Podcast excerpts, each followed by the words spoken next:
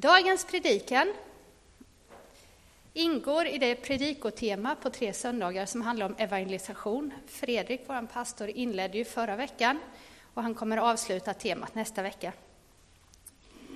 Och jag funderar på hur många det var som hörde förra veckans predikan, antingen här på plats eller på hemsidan kan man gå in och lyssna också. Hur många var det som hörde den? Intressant. Vänd er kort till varandra, bara fundera på vad var det som fastnade? Var det något som fastnade? Och i så fall vad? Eller vilka tankar fick du ut från förra veckans predikan? Fundera på det, berätta något för den som sitter bredvid.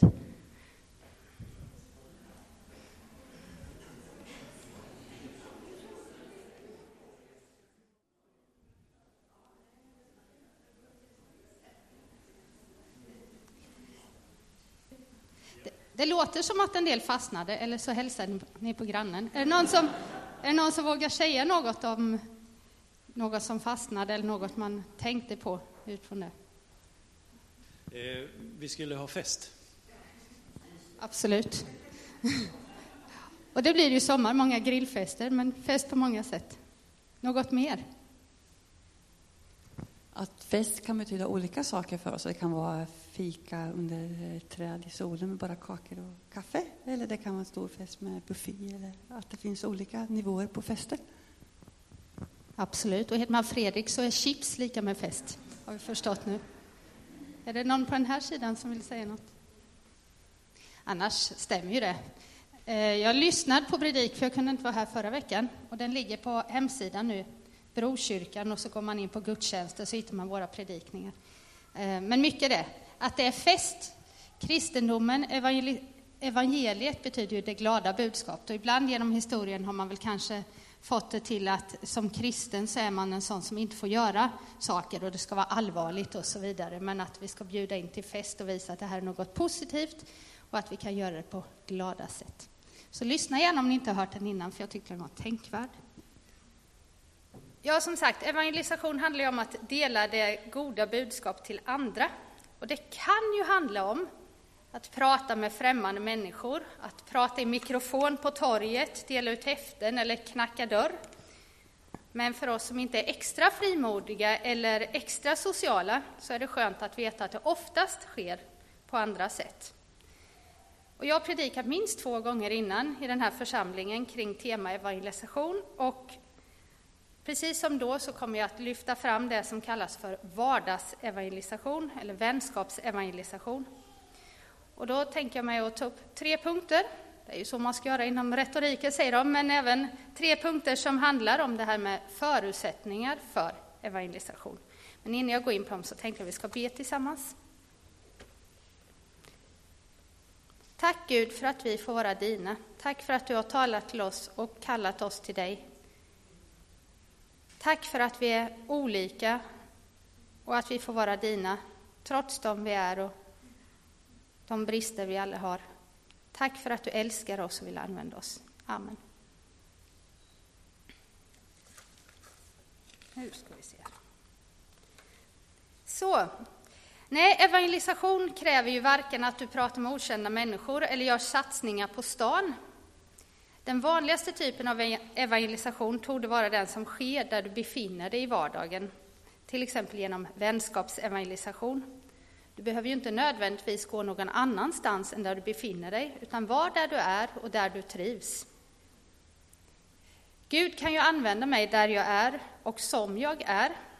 Min arbetsplats är till exempel Vimmerby gymnasium och där tillbringar jag mycket tid. Och så är det ju för många av oss. Vi har platser där vi tillbringar mycket tid. På jobbet, Eh, på skolan, på fritidsaktiviteterna. Och där kan vi göra skillnad i ord och handling och genom det sätt som vi är och det vi säger så kan vi peka på Gud och vägen till Gud.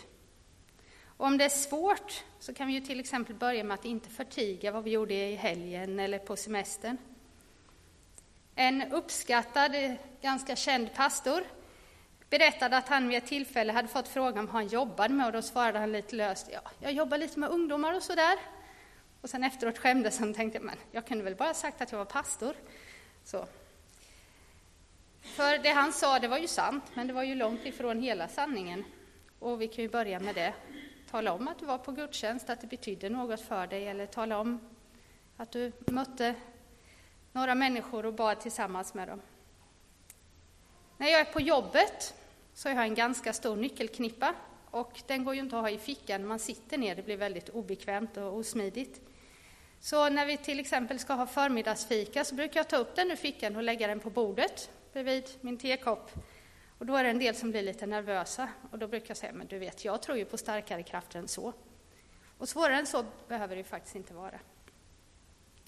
Om man gillar att spela fotboll till exempel, så kan man be strategiskt och använda den arenan där man befinner sig. Eller om man finns med i Kindamat, eller Bruksundsklubben, eller Bollklubben, eller någon annan till exempel av alla de sammanhang som vi såg på gårdagens aktivitetsmässa, så kan man ju ta med Gud dit. Tänka att dit jag går, dit följer Gud mig, dit tar jag med honom. För ett tag sedan så hade vi undervisning om bön här. Marita Wilhelmsson var här ett par dagar. Och hon pratar då bland annat om strategisk bön, att be målinriktat för olika platser, personer, aktiviteter. Och vi kan ju börja med att be konkret och ihållande för den personen eller den gruppen som man träffar regelbundet. Eller be för platser som vi tycker behöver förändras. I missionsbefallningen i slutet av Matteusevangeliet så läser vi då gick Jesus fram till dem och talade till dem. Åt mig har getts all makt i himlen och på jorden. Gå därför ut och gör alla folk till lärjungar. Döp dem i Faderns och Sonens och den helige Andens namn och lär dem att hålla alla de bud jag har gett er, och jag är med er alla dagar till tidens slut. Gör alla folk till lärjungar alla folk. Är det möjligt? Ibland kan man ju tänka att vissa människor är omöjliga fall, alltså de kommer ju aldrig att bli kristna, de är ju totalt ointresserade eller har en annan inriktning så. Och jag hade en sån vän och jag började be intensivt för honom. Och idag är han en varm kristen. Och jag tror inte bara det var min förtjänst att han blev kristen, men jag tror nog att bönen gjorde skillnad både för honom och för mig och i de samtal vi förde. Det finns en plats som jag passerar ibland och enligt rykten som jag hört så lär det föregå mycket ont på den platsen. Och nu har jag börjat be för den platsen varje gång jag passerar. Och kanske gör det skillnad. Och så kan vi ju välja ut platser, personer, grupper att be för. Enligt det bibelord som vi läste nyss så har ju Gud all makt i himlen och på jorden. Skulle han då inte bara kunna se till att alla börjar tro på honom? Och det skulle han naturligtvis kunna. Och varför han inte gör det kan vi diskutera, prata om någon annan gång. Men det vi kan konstatera här är att han som har all makt överlåter på människor att göra alla folk till lärjungar. Han vill använda oss, ha oss som sina redskap. Och denna uppmaning riktades ju första gången till Jesu lärjungar. Och de hade då visserligen vandrat och levt och samtalat med honom några år. Men de var ju inga supermänniskor, utan de var ju vanliga enkla människor som vi. Under de många år som jag bodde i Linköping så var jag med i Johanneskyrkan, eller Nytt liv som det hette i början. Och eh, under församlingens första år så hade vi ingen egen lokal, utan vi hyrde bara in oss i en skolmatsal några timmar varje söndag. Och utifrån den församlingens behov och förutsättningar och upplägg var det mycket bra. För vi satsade då medvetet på att inte ha så många kyrkliga aktiviteter och inte vistas så mycket i kyrkan, utan istället avsätta tid till just vänskapsevangelisation. Vara ute i olika sammanhang, inte bara med den egna klicken i kyrkan. Och den tanken kom att prägla mig mycket. När det gäller Brokyrkan så tror jag dock att det är bra att vi har en egen fin lokal mitt i byn. Eh, många har kommit och kommer hit på olika aktiviteter och min känsla är att många har en positiv inställning till Brokyrkan. Igår fanns vi med och visade upp oss på aktivitetsmässan och det tycker jag det är väldigt bra. Men dock så är det ju så att folk inte blir frälsta av att känna till, bara känna till Brokyrkans verksamhet eller stiga över tröskeln, utan vi behöver fortsätta förtydliga att alla våra samlingar är öppna för alla och vi behöver ju fortsätta att samtala med människor som vi möter i vardagen. Gud har ju skapat oss unika. Och jag brukar se mig om när jag är i kyrkan och tycka att det här är en häftig samling. Var annars i samhället möts man så över generationer och kön och olika förutsättningar? Se dem, visst är vi en härlig samling.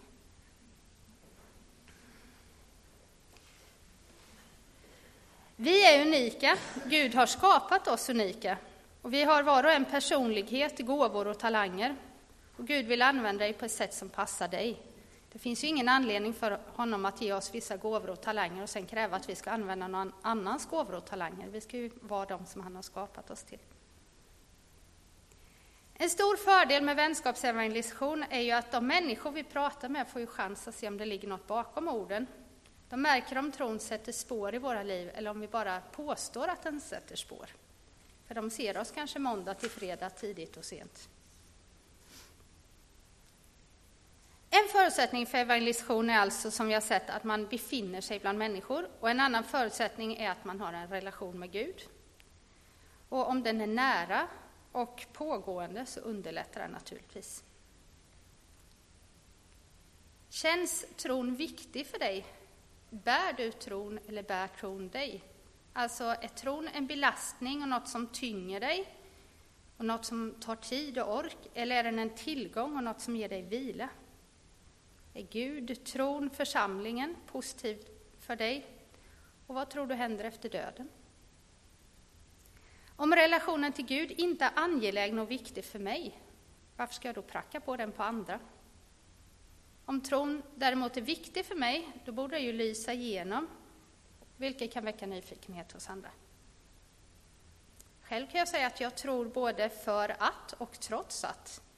Jag tror bland annat för att det känns angeläget, för att det känns logiskt, för att jag betraktar den här fantastiska artrika naturen och den fantastiska och genomtänkta människokroppen och tänker att det kan inte vara en slump. Och för att jag tror på ett liv efter döden. Dessutom tror jag, trots att livet många gånger känns motigt, jag inte har svar på livets alla stora frågor. En bild som jag burit med mig länge och som jag även berättat om tidigare är bilden av den mörka slutna korridoren, eller mörka slutna rummet. Man tänker sig att en lång korridor leder dit och så kommer man in till detta rum. Det är mörkt, man kan inte vända tillbaka. Det finns ingen lampknapp och där slutar det. Men för mig är tron och bönen en möjlighet att hitta en dörr, öppna den och gå vidare. Och då är det inte längre mörkt och det är inte längre slut. Jag läste någon gång att en människa i snitt behöver stöta på tron och, eh, tron och information om tron och så vidare 50 gånger innan man börjar tro, i snitt. Och oavsett om siffran stämmer eller inte så kan vi väl konstatera att ju sällan någon börjar tro så är pang bom första gången man hör talas om budskapet om Gud. Utan man behöver stöta på det många gånger. Och många, inte minst unga människor i Sverige idag, de har noll koll, ingen koll alls på kristendomen. För drygt tio år sedan så undervisade jag i religionskunskap på en gymnasieskola och där hade jag en klass där ingen visste varför man firade påsk. Och det är ju ändå en väldigt central del i det kristna budskapet med Jesu död och uppståndelse. Och det tycker jag pekar på att kristendomen, kunskapen om kristendomen och det kristna budskapet är låg bland många i Sverige idag. Och då kan vi inte heller förvänta oss att man ska börja tro på det på en gång. Då måste man få veta mer först. I Romarbrevet 10 så läser vi men hur ska de kunna åkalla den som de inte har kommit till tro på? Hur ska de kunna tro på den som de inte har hört? Och hur ska de kunna höra utan att någon förkunnar? Ibland kan vi föra ett långt samtal om tron. Ofta kanske det snarare handlar om små nedslag, typ droppen som urholkar stenen. Friskvårdspastorn i Kungsportskyrkan i Huskvarna hon berättade under förra årets torpkonferens om hur hon leder öppna gympapass i kyrkans gympasal. Och sen i anslutning till stretchningen, bara ett par minuter, så säger hon något om den kristna tron. Och det har påverkat människor.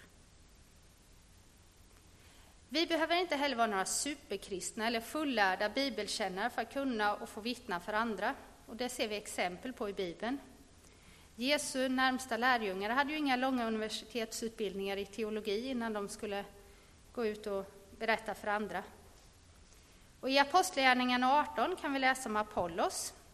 Han visste visserligen en hel del, men inte allt. Det står, han var en bildad man, väl insatt i skrifterna.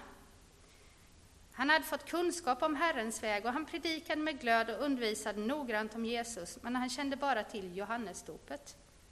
Denne man uppträdde nu i synagogan och talade frimodigt. När Priskilla och Aquilla hade hört honom tog de sig an honom och gav honom ännu noggrannare kunskap om Guds väg.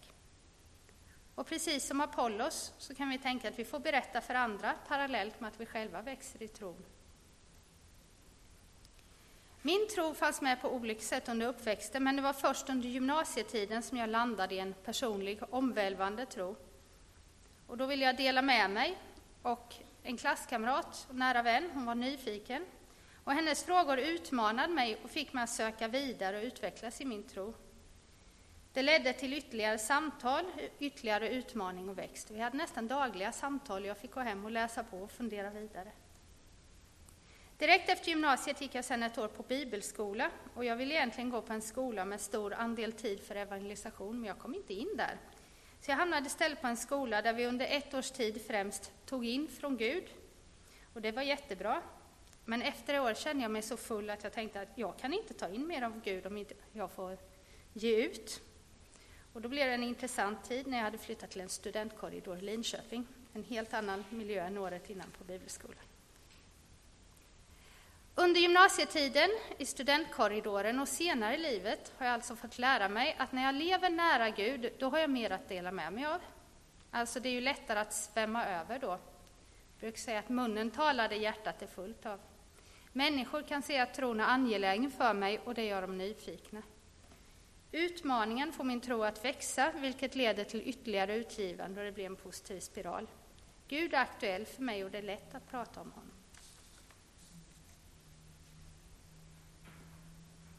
Evangelisation förutsätter alltså dels att vi är bland människor och dels att vi har en relation med Gud. Min tredje och sista punkt handlar om att evangelisation förutsätter att du vill dela med dig. Är tron viktig för dig? Tror du att den vore viktig även för andra? Tror du till exempel att tron är avgörande för vad som händer efter döden? Och nu ska vi läsa ett antal bibelord som behandlar vikten av tron. Och det är ganska kända bibelord. Vi börjar med Matteusevangeliets tredje kapitel där det står Så älskade Gud världen att han gav den sin enda son för att de som tror på honom inte ska gå under utan ha evigt liv. Ty Gud sände inte sin son till världen för att döma världen utan för att världen skulle räddas genom honom. Den som tror på honom blir inte dömd, men den som inte tror är redan dömd eftersom han inte har trott på Guds enda sons namn från Romarbrevets tredje kapitel. Men nu har Gud uppenbarat en rättfärdighet som inte beror av lagen, men som lagen och profeten har vittnat om. En rättfärdighet från Gud genom tron på Jesus Kristus för alla de som tror. Här görs ingen åtskillnad. Alla har syndat, gått miste om härlighet från Gud, och utan att ha förtjänat det blir de rättfärdiga av hans nåd, eftersom han har friköpt dem genom Kristus Jesus. Vi har ju inte blivit kristna för att vi var så extra duktiga så Gud valde ut oss, utan vi är ju lika, lika eh, vi har ju lika många fel och brister som alla andra, utan vi har fått det här av nåd. Romarbrevets sjätte kapitel. Nu däremot, när ni blivit fria från synden, men är slavar under Gud, blir frukten ni skördar helighet och till slut evigt liv. Syndens lön är döden, men Guds gåva är evigt liv i Kristus Jesus, vår Herre. Och så från Johannes evangeliets femte kapitel. Sannerligen, jag säger er, den som hör mitt ord och tror på honom som har sänt mig, han har evigt liv. Han faller inte under domen, utan har övergått från döden till livet. Den stund kommer då alla som ligger i sina gravar skall höra hans röst och gå ut ur dem. Det som har gjort det goda ska uppstå till livet, och det som har gjort det onda ska uppstå till domen.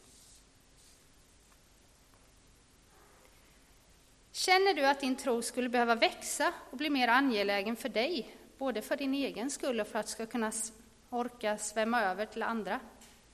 Då kanske du behöver bestämma dig för att umgås mer med Gud. Relationer tenderar ju att bli mer angelägna om man ger dem mer tid. Bestäm dig till exempel för att ägna mer och regelbunden tid åt bibelläsning. I Johannesevangeliet kan man läsa om varför den boken, alltså varför just Johannesevangeliet har skrivits. Också många tecken som inte har tagits med i denna bok gjorde Jesus i lärjungarnas åsyn. Det kan man ju förstå, man kunde skriva upp allt han gjorde på de åren. Men dessa har upptecknats för att ni ska tro att Jesus är Messias, Guds son, och för att ni genom att tro ska ha liv i hans namn. En av de författare som gett mig mest genom åren och som jag därför ständigt återvänder till är Thomas Sjödin. Och en av hans krönikor har rubriken Det andliga gymmet. Och innan jag sammanfattar och avslutar predikan så vill jag faktiskt läsa det, den krönikan för er.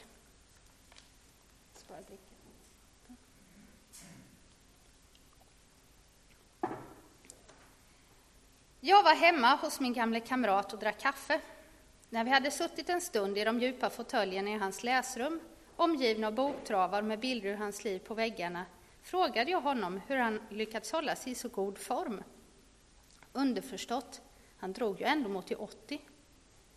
Har jag aldrig visat dig mitt andliga gym? Både frågade och svarade han som om det vore världens mest självklara sak att man hade ett sådant. När jag förklarade att jag inte ens visste vad ett andligt gym var, berättade han att vid förrådet till deras radhus fanns en bastu. Denna hade nu använts ganska sporadiskt fram till den dag då han suttit och funderat på om man inte skulle kunna kombinera den fysiska träningen med de discipliner som brukar betraktas som andliga. Vi reste oss ur fåtöljen och gick på studiebesök. En av bänkarna i bastun var bortplockad och på den tomma golvytan som skapats hade han ställt en gammal motionscykel.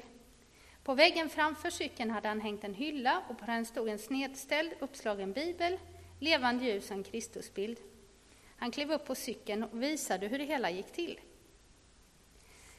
Med studiebesök var min fråga om hans bibehållna form besvarad. Det handlade inte otippat om träning, mer specifikt om den träning som tar hänsyn till både kroppen och själen. När jag återvände hem log jag för mig själv och tänkte att han hade gett mig ännu en historia att berätta. Men ju mer jag tänker på det, desto klokare framstår hans bygge. I den tidiga kristenheten betraktades det som en självklarhet att också det andliga livet behövde hållas i trim för att utvecklas. Experimentlusten var stor. Den som ville ge Gud mer plats i sitt liv kunde få många råd. Lev några månader i öknen, sätt dig på en pelare, bygg bo i ett träd, dansa, studera, fasta. Eller pröva med att hålla munnen stängd. Men experimentlusten hade ett syfte, att se vad detta fick för betydelse för livet, för relation till Gud. Jag har alltid uppfattat den askes som exempelvis ökenfäder och ökenmödrar underkastade sig som självförakt och tänkt att gemenskap med Gud måste vara mycket enklare än så. Men kanske handlar de fysiska övningarna inte så mycket om botgöring som om träning. De tränade för ett pris som var värt att vinna. Att rikta sin tanke och sitt hjärta mot Gud en liten stund innan arbetsdagen dragit riktigt igång, som det sista man gör innan man somnar eller på cykeln på väg till jobbet, kan i det långa loppet vara viktigare än det just då känns. Längden på stunden är inte avgörande, men regelbundenhet är av godo. Och om man inte tror kan man be ändå. Många är de som berättar att tron kommit till dem just så, med inandningsluften efter tvivlande bönesuckar. Två centrala avsnitt ur texten. Det ena, i den tidiga kristenheten betraktades det som en självklarhet att också det andliga livet behövde hållas i trim för att utvecklas. Experimentlusten var stor. Och det andra, längden på stunden är inte avgörande, men regelbundenhet är av godo. Så sammanfattningsvis och som avslutning, vardaglig, varaktig vänskapsevangelisation på det sätt som passar din personlighet och dina gåvor, bland de människor där du befinner dig i vardagen. Du behöver inte vara superkristen eller fullärd i teologi, men evangelisation förutsätter att du själv har en relation med Gud. Och min erfarenhet är i alla fall att ju närmare du lever Gud, desto närmare ligger det att evangelisera. Börja gärna med att be för de människor och grupper du möter i vardagen och eller de platser du befinner dig på. Att vittna för andra kan stärka och utveckla den egna tron. Känns det angeläget för dig att även andra får höra talas om Gud och komma till tro? Om inte så kan det vara dags att vårda, vårda den egna gudsrelationen. Låt oss be.